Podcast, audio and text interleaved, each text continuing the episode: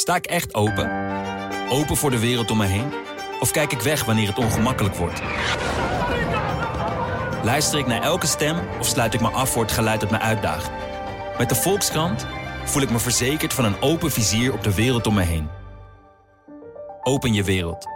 De Volkskrant.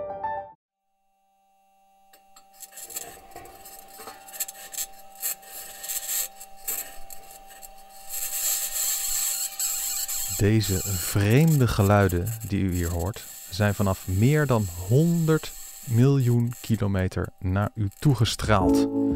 Ze zijn gemaakt door een karretje met de naam Perseverance, dat nu rondrijdt op Mars. De afgelopen tijd zijn missies van liefst drie landen gearriveerd bij de rode planeet. Wat zijn al die zondes, karretjes en sinds kort zelfs een helikopter daar aan het uitspoken? En waarom zijn wetenschappers toch altijd zo gefascineerd door juist die ene planeet Mars? Je gaat het ontdekken bij Ondertussen de Kosmos, de podcast van de wetenschapsredactie van de Volkskrant. Mijn naam is Tony Mudde, chef van die wetenschapsredactie. En op mijn scherm, het blijft tenslotte wel coronatijd, kijk ik naar mijn collega George van Hal, ruimtevaartspecialist bij de krant. En we gaan straks ook nog bellen met Inge Loes ten Katen, astrobioloog aan de Universiteit Utrecht. En zij werkte in het verleden zelf bij NASA aan een Mars rover. Die geluiden van uh, daarnet, uh, George, laten we ze nog even samen één keer uh, beluisteren.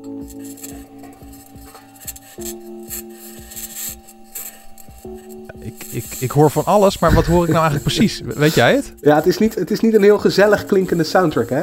En het is ook nee. wel een beetje, uh, ja, je moet je eigen fantasie hier ook wel wat bij gebruiken. Want wat je hoort is gewoon letterlijk het geluid van een robotje die rijdt over Mars. Short het, uh, ja. het, het, het, ratelen van de wieletjes en het, het, het piepen van de ophanging uh, waarmee die wielen vastzitten. ja, en je hoort misschien ook nog wel wat andere dingen die, die uh, elektromagnetische uh, storingen zouden kunnen zijn, uh, denken de ingenieurs van NASA. dat alles bij elkaar is dit gekraak en gepiep dat je, dat je hoort. Dat alles bij elkaar is dus de, zeg maar de soundtrack van een karretje dat op dit moment gewoon op Mars aan het rondrijden is ja. voor ons als mensheid. Ja, ja, dat is natuurlijk een waanzinnig idee dat we, dat we dat kunnen horen, weet je wel. Het, filmpje stond ook op YouTube en ik geloof dat de bovenste commentaar onder het, uh, onder het filmpje was ook... Wauw, ik had niet gedacht dat ik tijdens mijn leven ooit nog zou horen hoe het klinkt dat er een apparaat rijdt over een andere planeet. Nou, dat is inderdaad een beetje het gevoel dat je hierbij zou moeten hebben. Ja, ik bedoel, uh, ik zeg net karretje, uh, dan, ja, bij karretje denk ik aan een soort radiografisch bestuurbare auto van, uh, van mijn kinderen. Maar hoe, gro hoe groot is dit ding eigenlijk? Ja, wel iets groter dan zo'n radiografisch bestuurbaar autootje. Ja? Het, is, uh, okay. het is grofweg zo groot als een personenauto. ietsje minder oh, lang, zo groot, maar joh? wel weer ietsje breder. Ja, ongeveer formaatje personenauto. Dus er rijdt gewoon echt een complete auto daar rond. Een soort Fiat Punto. Ja, ja precies. Oh joh, ik, ik had echt het idee dat hij veel kleiner was. En, en, en ja, er zijn eerder karretjes op Mars geweest. Ja. Uh, en, en, NASA stuurt hem niet voor niks naar Mars. Uh, waarom zijn wetenschappers nou altijd zo geïnteresseerd in juist die planeet? Ik hoor nooit iets over karretjes die rondrijden op Saturnus of Pluto. Of, het, moet altijd naar Mars. Ja, Wat is er ja op Mars? Saturnus zou overigens ook wel lastig zijn. Hè? Dat is een gasplaneet. Daar zak je karretje dan toch een beetje in weg. Als je dat gaat oh, okay, proberen. Okay. Uh, maar ja. ja, op Mars toch vooral omdat het onze buurman is. Um, aan de andere kant zit Venus. Uh, daar het uh, loeiheet en daar kun je geen uh, karretjes laten, laten rijden. op onze andere buurman Mars kan het wel. En ja, we zien die planeet natuurlijk al, ik weet niet hoe lang, door onze telescopen. Um, vroeger lieten we onze, onze fantasie daarbij op hol slaan. Hè, met allerlei science fiction verhalen over Marsmannetjes die onze kant op zouden komen. Maar nu, een aantal jaar sinds eigenlijk dit soort missies weten we gewoon hoe die planeet eruit ziet. Weet je wel, hebben we haarscherpe HD-beelden van, van onze buurman. En uh, tegelijkertijd komt daar ook wel een, een vraag bij kijken. Hè? Want, want wij leven op een prachtige blauwe planeet uh, tot een nok toe gevuld met allerlei levensvormen. En uh, mm-hmm. Mars is een soort, ja, een soort lege vlakte, een, een rode woestijnplaneet waar verder niet zo heel vreselijk veel op voorkomt. En de vraag is dan toch, uh, hoe kan dat nou? Waarom is daar geen leven? Was er misschien ooit wel leven? Uh, was er vroeger water? Uh, wat is er misgegaan? Eigenlijk kijken we dus naar Mars omdat we meer willen weten over onszelf ook in zekere zin. Omdat we beter willen begrijpen waarom wij dan wel op zo'n soort oase wonen en, en waarom dat elders niet voorkomt. Ja, dat, dat klinkt wel logisch. Dat je dus om te begrijpen waarom het leven zo bloeit op, op deze planeet, dat je dan een planeet die ja, relatief vlakbij is, uh, waar helemaal niks gebeurt, dat je denkt van wat is daar nou gebeurd dat het daar nou zo anders is? Ja, ja, ja. precies. En uh, want als ik aan Mars denk, van ja, dan denk ik toch uh, ja, aan een soort grote woestijn en alles lijkt een beetje op elkaar en heel veel zand en af en toe een bergje of een heuveltje en maar hebben ze die, die, die kar hebben ze niet random ergens neergezet, toch? Ze hebben dan toch bedacht zo van, nou, dat is toch wel een extra interessante plek. Ja, klopt. Overigens is dat ook wel bij sommige mensen de teleurstelling. Uh, toen, toen iedereen in euforie was over die eerste nieuwe beelden die door Perseverance uh, geschoten werden, zag ik op, uh, ja. op Twitter bijvoorbeeld ook wat commentaren van, van mensen voorbij komen. Oh, weer een nieuwe aflevering van de serie robotkarretjes van, van NASA. Even kijken. Nee hoor, nog steeds kaal en rotsachtig. Ik vind er niks aan. toen dacht ik, ja, dat is misschien ook wel een beetje het, het, het tegengif tegen al te hoog oplopend enthousiasme over deze beelden. Want je, je kunt inderdaad ook weer niet vreselijk veel zien op, uh, op al die foto's en dingen. Het blijven grote uitgestrekte woestijnvlaktes. Die, uh... Maar nu ga jij me vertellen dat de ene woestijnvlakte toch net een beetje anders is dan de andere ja, woestijnvlakte. Ja, ja. ze hebben hier wel bewust gekozen voor een gebied. Want, want een van de hoofddoelen van zo'n uh, van zo'n wagentje, in elk geval van dit wagentje, maar ook van vorige, is om te kijken, heeft er nou ooit leven bestaan op Mars? Of heel misschien, waarschijnlijk niet, zit er nog steeds iets van microbisch leven op die, op die planeet. En ze zijn hier gaan kijken op een gebied waar waarschijnlijk vroeger wat water was en, en wat afzettingen zitten waarin je dan dat soort materiaal zou kunnen aantreffen. Dus dat is de reden dat ze op, op dit plekje gemikt hebben op, op Mars. Het is echt een plek waarvan, waar vroeger gewoon een, een beekje liep of een ja, rivier. Ja, of... bij wijze van spreken een meer, ja. En ze denken daar dat, dat ze heel misschien zelfs, zei je nou, een microscopisch leven kunnen vinden dat er nog is? Nou, dat, dat, ik denk niet dat iemand dat echt verwacht. Uh, dat zou ja. natuurlijk sensationeel zijn. Uh, uh, vermoedelijk is iedereen al ontzettend blij als ze gewoon überhaupt restanten van, van leven vinden. Dat zou al ja, alle, alle krantopeningen en journaals bezighouden, denk ik. En, en, wat gaat Perseverance daar doen? Ik bedoel, hij, hij rijdt er nu, wat is het, een maand of twee rond. ja. Heeft, heeft hij al iets ontdekt of gepresteerd? Of is hij nog uh, rustig aan het rondkijken? Een beetje van beide. Dus uh, uh, ja, dit, soort missies zijn altijd tweeledig. Hè. Ze, hebben, ze hebben wetenschappelijke doelen en ze hebben ook heel nadrukkelijk PR-doelstellingen. nou ja, de eerste PR-doelstellingen die zijn allemaal al gehaald. Dus er zijn echt spectaculaire beelden van de, van de landing zijn vrijgegeven... waar je, waar je bij, kunt wegdromen van zo moet het zijn om als je ooit een ruimteschip zou kunnen besturen die op Mars landt, nou dan ziet het er ongeveer zo uit. Um, Mars helikoptertje, daar gaan we het vast later nog over hebben. Die heeft ook al een eerste vlucht gemaakt. Uh, Ingenuity heet die. Uh, zo zijn er wat van dat soort iconische eerste momenten. Maar de echte ja. wetenschappelijke analyse, die moet nog komen. En uh, sterker nog, dat gaat deze missie ook niet helemaal zelf doen, het, het meest spectaculaire gedeelte. Want uh, dit, uh, dit wagentje moet 43 buisjes gaan vullen, metalen buisjes, en die laat hij vervolgens achter op Mars. En die moet dan een toekomstige missie, moet die buisjes weer gaan ophalen.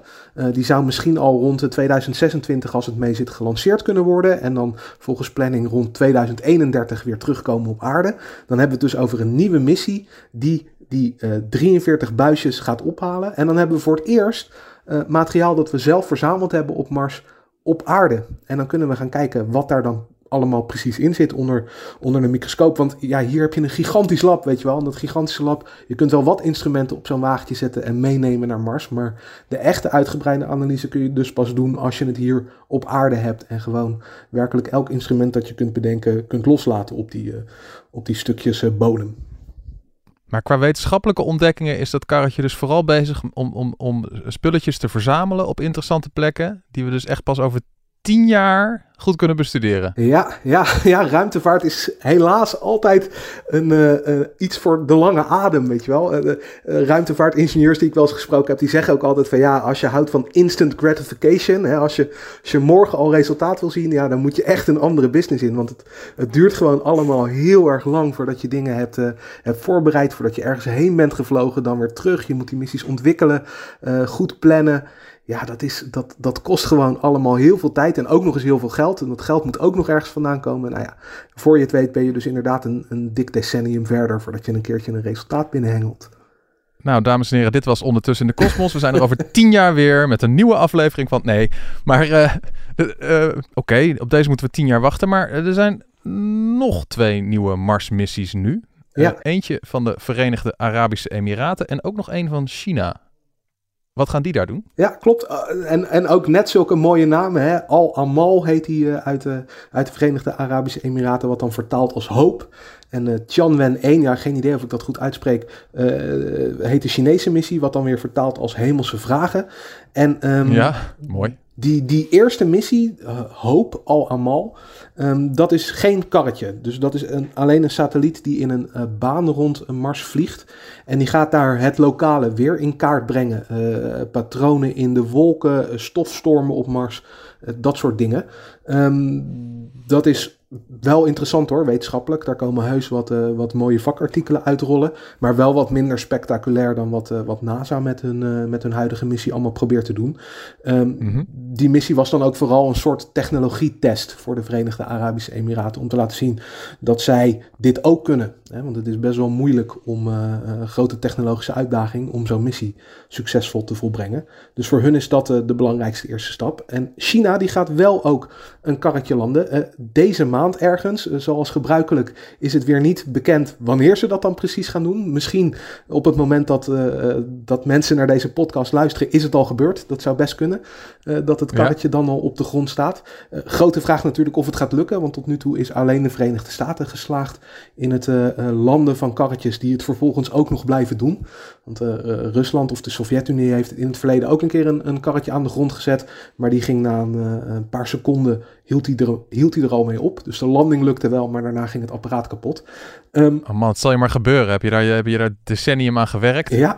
en dan doet je karretje, doet het drie seconden. Maar ga verder. Ja, ja daarom hebben ze ook overigens een, een, soort drietrapsmissie die ook nog gewoon een satelliet heeft die uh, gegevens gaat verzamelen. Dus als het, het wagentje nou mislukt, dan kunnen ze daar wel gewoon nog wetenschap blijven doen. Dan is het niet oh in zijn geheel mislukt.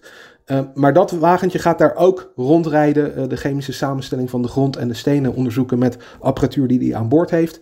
En zoeken naar plekken waar misschien ooit water is geweest, want dat is dan toch ook een van die ehm, voorwaarden voor Martiaans leven. Daar zijn ook ja. zij benieuwd naar. Ja, en dan is de redenering, ja, voor hier op aarde is uh, alles in de buurt van water. Daar komt toch wel opvallend veel leven voor. Dus waarschijnlijk zal dat op andere planeten ook zo kunnen werken. Ja, ja, ja. En water is dan ook een soort essentieel bouwblokje voor leven. Het is een ideaal oplosmiddel waarin de, uh, de complexe organische moleculen waaruit het leven bestaat, die kunnen daar lekker in reageren. Het is een, een, een fijne plek om uh, handige chemische reacties te maken. Ja, dus voor zover wij weten is dat gewoon hartstikke nodig water. Ja, leven. water of een ander oplosmiddel. Maar water komt dan in het heelal ook het meest voor. Dus is dat waar we naar zoeken. En omdat we op aarde ook water hebben en op Mars in het verleden naar alle waarschijnlijkheid ook water is geweest, is het heel logisch om, uh, om water in te zetten op Mars.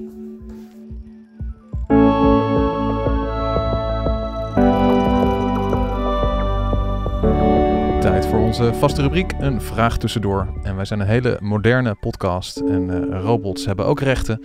Dus uh, uh, wij laten die vraag stellen door een algoritme. Komt-ie.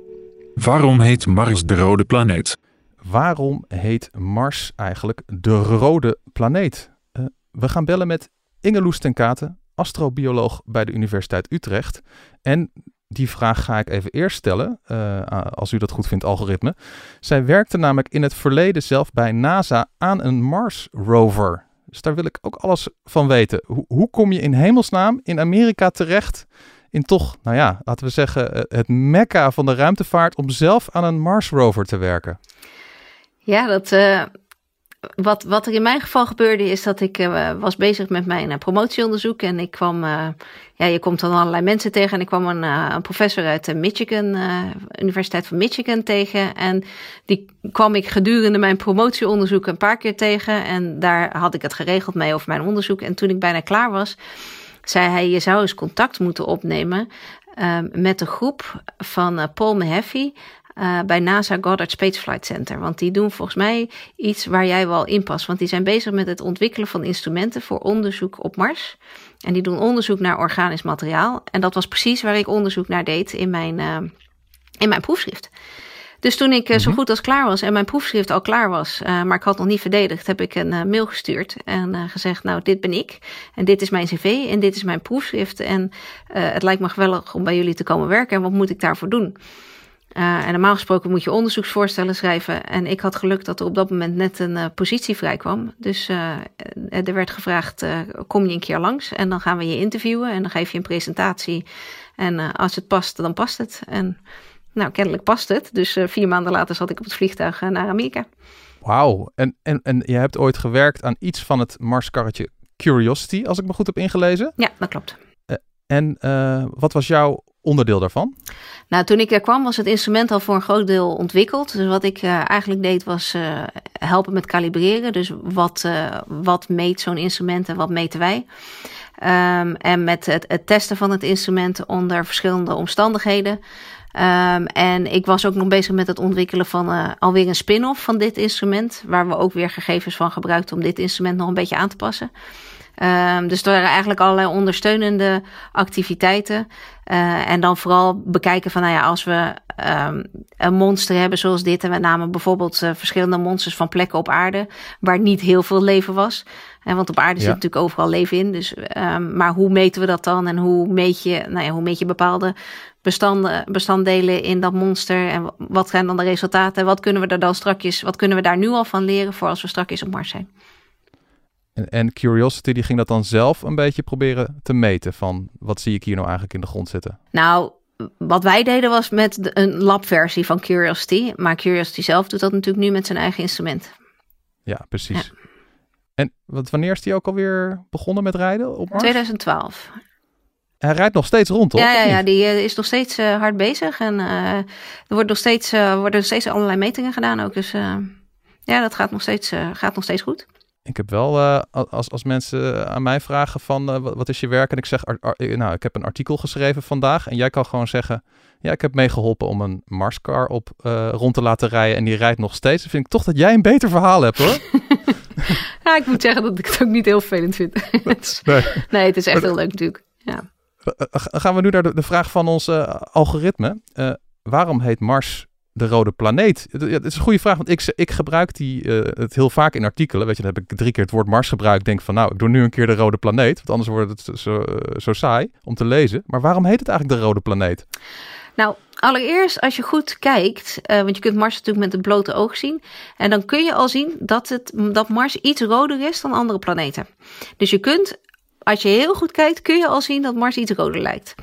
Ehm, en voor het grootste gedeelte komt dat omdat ehm, eh, het Marsoppervlak eigenlijk verroest is.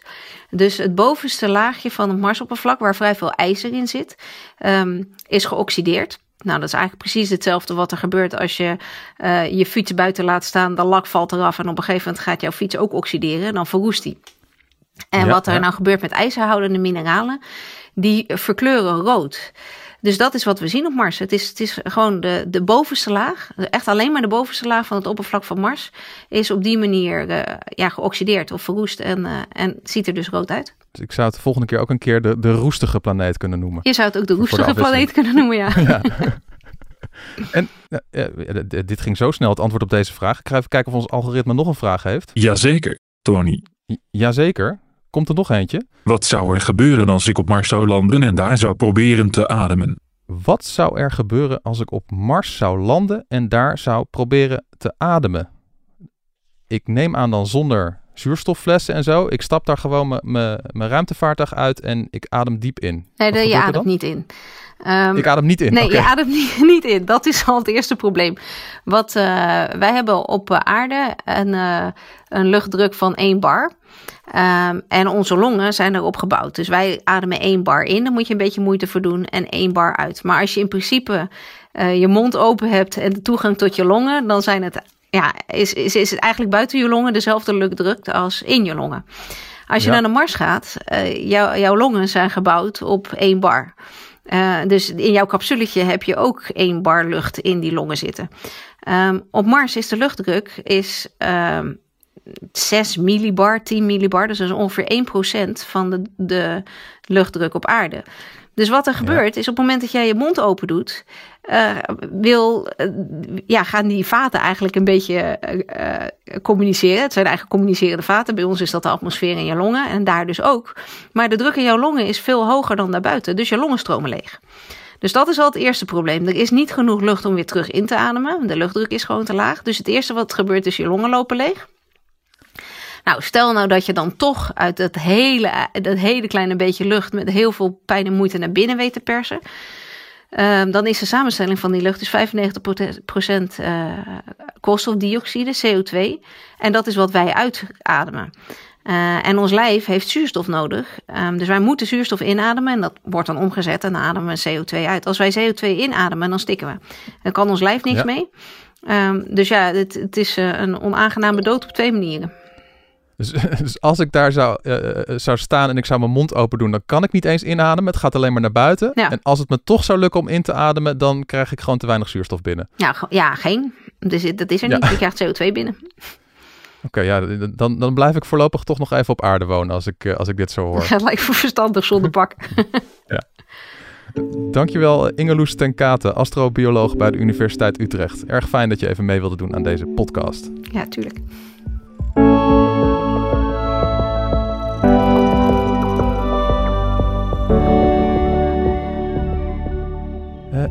George, laten we weer even naar een uh, geluidsfragmentje luisteren van die verre planeet Mars. Komt-ie.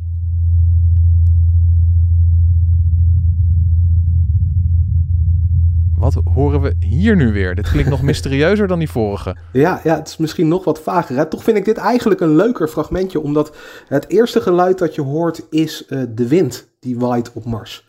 En uh, dat, is, ja, dat is de hoofdruis, zeg maar. En als je ja. dan wat beter gaat luisteren, ja, als je de beelden erbij ziet, is het wat makkelijker. Uh, dan hoor je op een gegeven moment ook een soort zacht gezoem. En dat zachte gezoem, dat is dat Mars-helikoptertje. Dus dat zijn de rotorbladen van die helikopter die razendsnel ronddraaien en dan ja, een, een zachte zoomtoon uh, produceren. En dat kun je in dit geluidsfragmentje horen. Dus dit is geen wagentje dat rijdt op Mars, maar een, een, een drone die vliegt op Mars. En, en dat is gemaakt uit die drone zelf of stond daar iemand met een microfoon te hengelen? Nou, er stond zeker niet iemand met een microfoon te hengelen. nee, want we hebben net van Inge Loes ten Katen uh, gehoord dat, uh, dat ademen op Mars geen succes is. nee, precies. Dus uh, nee, ja, de, de, Ingenuity zelf heeft microfoons, maar ook het Marswagentje heeft microfoons. Dus op die manier kun, je, kun je dit geluid opnemen. Ah, en, dat, en dat, die, die Marscar die stond dus vanaf een afstandje stond hij gewoon te kijken naar hoe die drone uh, ging vliegen. Ja, dus als je de beelden erbij ziet, uh, de beelden bij dit filmpje zijn echt geschoten door het Marswagentje en niet vanuit ja. de helikopter. En oké, okay, een helikopter op Mars. Uh, we hadden het net al over die, die, die, die Mars rover die daar staat. Ja, die is ongeveer zo groot als een Fiat Punto. Ja. en die helikopter, zo groot als een uh, Apache uh, gevechtshelikopter? Of, helaas, helaas. Nee, echt wel wat kleiner. Oké. Okay. Dus ja, okay. zo groot als een gemiddelde drone die je op aarde zou kunnen kopen. Um, de, de spanwijdte van die, um, van die rotorbladen, ja, dat is ongeveer één arm als je die uitsteekt. dus dat is, okay, zoiets ja. moet je voor je zien. Eén arm. Ja. Dus, dat is eigenlijk best groot. Want ik bedoel, die drones waar die je in de speelgoedwinkel uh, kan kopen, die, ja, die. Uh, ja, hij is wel groter dan een drone uit de speelgoedwinkel. Maar ongeveer het ja. formaatje van de professionele drones die mensen gebruiken om, om veel beelden te schieten en zo. En, en, maar even de hele naïeve vraag. Uh, waarom zou je met een helikopter op Mars willen vliegen? Ja, dat is een goede vraag. Uh, mijn eerste antwoord is dan eigenlijk gewoon omdat het gaaf is. Uh, ja. En, ik, ik, nou ja, ze zullen het niet zo snel zeggen, maar ik denk dat ze bij NASA dat toch ook wel gedacht moeten hebben. Van dit is gewoon mooi als eerste primeur en om te laten zien. Um, maar als het alleen gaaf zou zijn, dan zouden ze het natuurlijk niet doen.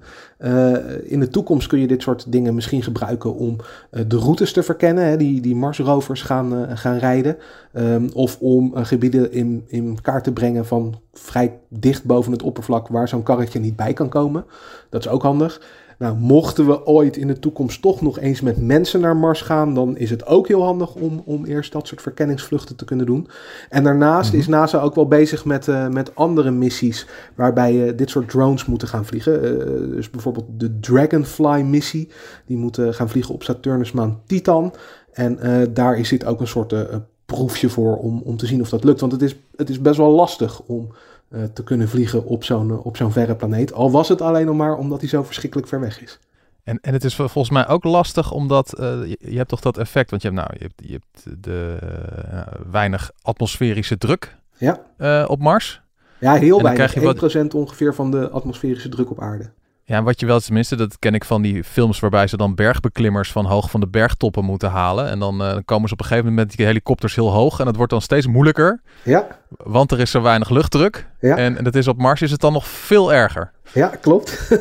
ja, daar hebben En- ze dus goed dat- over na moeten denken. Ze hebben eigenlijk twee, twee dingen bedacht om dat, om dat op te kunnen lossen. De eerste is om die rotorbladen gewoon nog veel sneller te laten ronddraaien dan die van een aardse helikopter. Hij gaat ongeveer zo 40 keer per seconde gaat hij rond. En dat is eh, nou ja, eh, ongeveer acht keer sneller dan een, eh, een gewone helikopter. En het is ongeveer even snel als dat de wielen op een Formule 1 auto ronddraaien. Dus het gaat echt wel, gaat echt wel Oh, heel behoorlijk rap. Ehm, dat is stap 1. En stap 2 om het mogelijk te maken is om dat ding zelf zo licht mogelijk te maken. Want hoe meer gewicht je omhoog moet, eh, moet slepen op die, op die weinige luchtdruk, hoe moeilijker dat is. En ze hebben dit ding onder de 2 kilo weten te houden. En dat is eh, behoorlijk netjes voor zo'n voor zo'n groot ding. Ah ja. Maar dat vreet dus energie als je dus wil vliegen op Mars. Ja, dat is niet makkelijk. En dan, en dan is het, het, het andere lastige dus dat het zo ver weg is. Dus je kunt niet vanaf de aarde, alsof je een computerspelletje bestuurt met een joystick in je hand, die, eh, die helikopter maar een beetje laten, laten vliegen. Dat moet echt allemaal gewoon automatisch voorgeprogrammeerd gebeuren. Je vluchtsoftware moet dus ook heel goed zijn. Dat was de reden dat de vlucht met die Ingenuity in eerste instantie ook werd uitgesteld. De eerste testvlucht, omdat die software nog niet helemaal op orde was. Ja, dat moet helemaal Mhm. kloppen, anders dan, eh, ja, voor je het weet, vlieg je dat ding tegen je Marswagen aan. En dan is het allebei naar, eh, naar zijn gootje. Dat zou, dat zou toch wel de worst case scenario zijn, denk ik, van, eh, van deze Een- mensen. En nogal ja. Ja, Ik, ik vond dat ook zo fascinerend van ja, oh, in het begin inderdaad van hij wil nog niet vliegen, er is nog even een software update nodig. Dat ik ook dacht zo van, weet je wel, alsof er Windows geïnstalleerd is en, ja, ja. en je hebt een software update nodig. Maar die stralen ze dan daar gewoon naar binnen en toen hadden ze het gefixt. eh. Ja, en, en wat ik ook weer, hè, want ik, ik zei eerder al, alles is ook één groot PR-show. Eh, dat zie je hier bij dit, bij dit helikoptertje ook weer. Hè? Want ze hadden een, een stukje zeildoek van het vliegtuig van de Wright Brothers meegenomen, de eerste vlucht. En eh, Ja. zo van, ja, dit is de eerste vlucht op een andere planeet. En het spreekt tot de verbeelding. En ze hadden ook eh, op, op kleine chips de namen van bijna 11 miljoen aardbewoners meegenomen. Overigens stond mijn naam daar ook tussen. Ik heb me daar op tijd voor ingeschreven. En dan met Jij, letters... was gewoon, jij bent gewoon op Mars nu Ik ben met op Mars. naam. Ja, mijn naam is op Mars.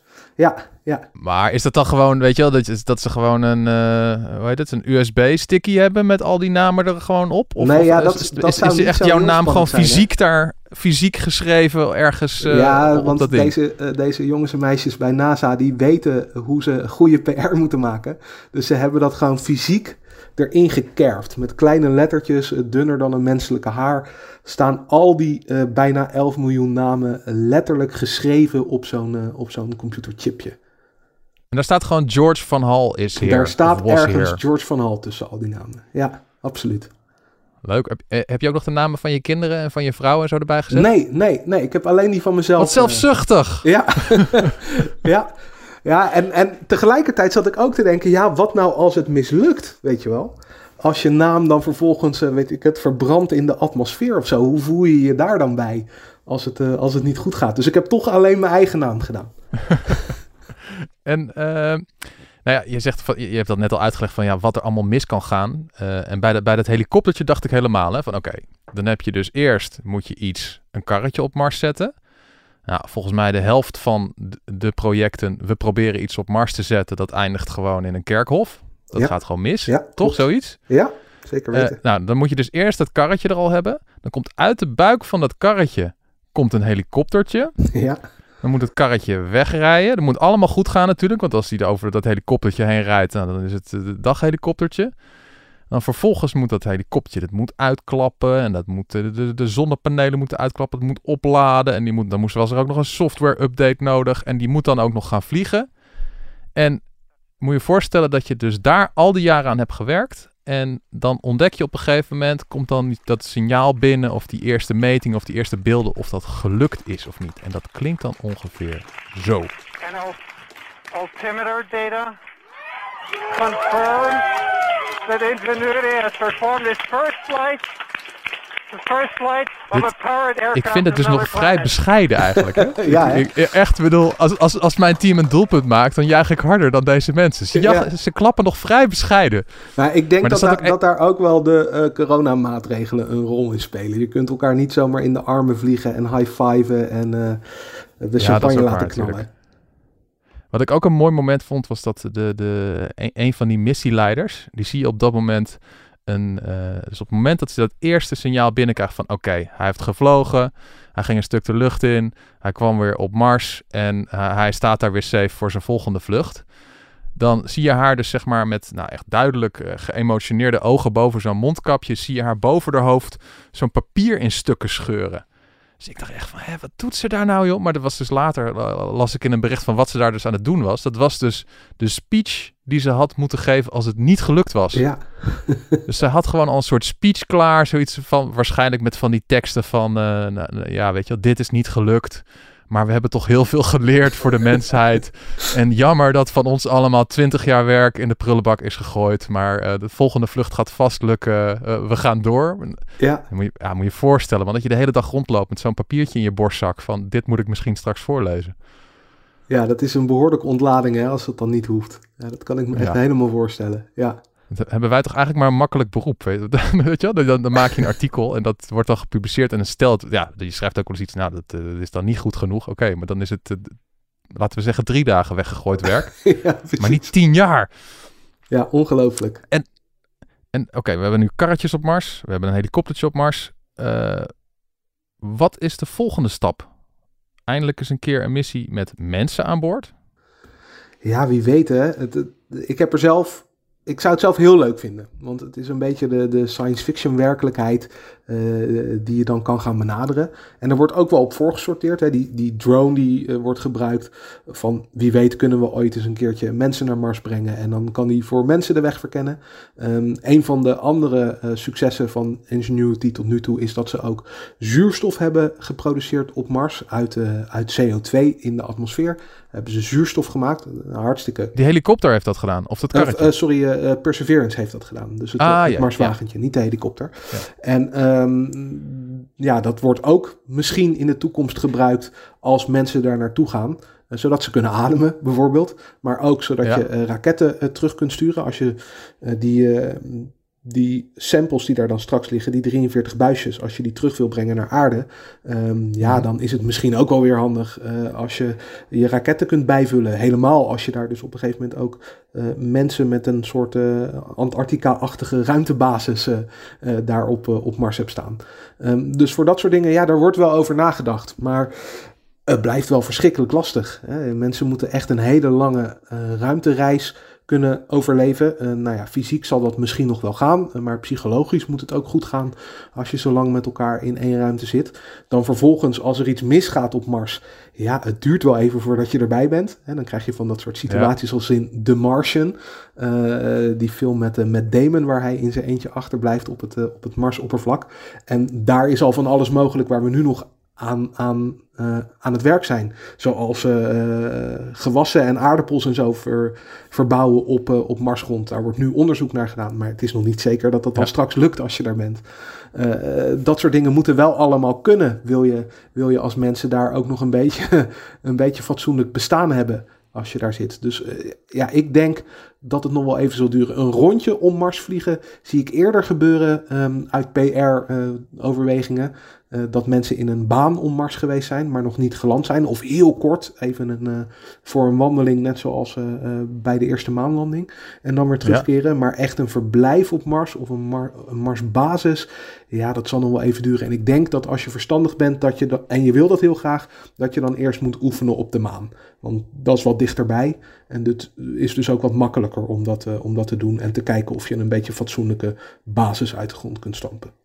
En, en zo'n zo'n reis naar, uh, naar Mars. En dan eventjes uh, touchdown. En daar uh, de, de, in, in, ons geval de Nederlandse vlag neerzetten. Ehm, ho hoe lang ben je dan bezig? Heen en terug? Ja, toch al snel een jaar, denk ik. Daar ben je wel, een jaar. wel zoiets. Dat kost het. Ja, de, de afstand tussen aarde en Mars varieert. Maar dat is wel ongeveer waar je rekening mee moet houden. Orde groot in een jaar. Zou jij het doen, George? Als ze nu zouden zeggen, uh, hup, in training, uh, over, over een jaar uh, ga je de lucht in Mars heen en weer. Jij wordt human number one on Mars? Ik denk het niet. Ik denk het niet. Ik ben toch te weinig avontuurlijk ingesteld om dat soort enorme risico's te gaan nemen. Want ja, de kans dat je dat levend navertelt is natuurlijk veel kleiner dan wanneer je, weet ik veel, een vliegtuig instapt of zo. Of, uh, of even in je auto gaat zitten. Dat zijn echt hele risicovolle ondernemingen. En daarvoor vind ik het leven dan toch net iets te leuk, eh, ben ik bang. Dan schrijf ik liever oh, ja, ja. en kijk ik liever mee met andere mensen die dat doen. En daar kan ik ook heel enthousiast van worden. Oh ja, ja dat, dat is de manier, ja. Ja. ja ik, had, ik, had, ik had zelf ooit, uh, toen ik was afgestudeerd, had ik gesolliciteerd voor astronaut. Ja. En nou ja, ik had lucht- en ruimtevaarttechniek gedaan, dus ik dacht, ik maak een kans. En ik, maar ik ben niet eens uitgenodigd voor het eerste gesprek. dus uh, dat, dat steekt nog steeds. Maar tegelijkertijd denk ik, ze hadden me gewoon door. Want uh, er zijn al attracties in de Efteling waarbij ik, waarbij ik denk zo van... ja, eigenlijk wil ik er helemaal niet in, nee, dus, en dat is waarschijnlijk met op een, uh, op een raket zitten zo groot als een, als een half flat gebouw. Dat is waarschijnlijk nog een stukje enger, denk ik dan. Dat denk ik eigenlijk ook wel, ja. Ja. Het, het, grappige daaraan vind ik dat altijd dat onze Nederlandse astronaut André Kuipers... dat hij hoogtevrees heeft. Dus hij vindt het uh, hartstikke eng om over dat uh, uh, roostertje te lopen naar de raket toe. Weet je wel, dan zit je heel hoog als je die module inloopt. Dan kijkt hij naar beneden, dat vindt hij hartstikke griezelig. En als hij dan nou eenmaal in de raket zit, dan vindt hij het wel weer oké. Ja, ik vind dat een heel grappige oh, gewaarwording. Net zoals je in het vliegtuig kan hebben. Hè? Want ja, ik heb ook best hoogtevrees als ik op een heel hoog balkon sta en ik kijk naar beneden. maar als ik in het vliegtuig uit het raampje kijk, dan heb ik het niet. Terwijl je dan eigenlijk veel hoger zit. Ja, precies. Ja, ja. Nou, ik, ik, ik hoop dat we het... Uh, ik, ik ben 42, hoe oud ben jij? Ik ben 40.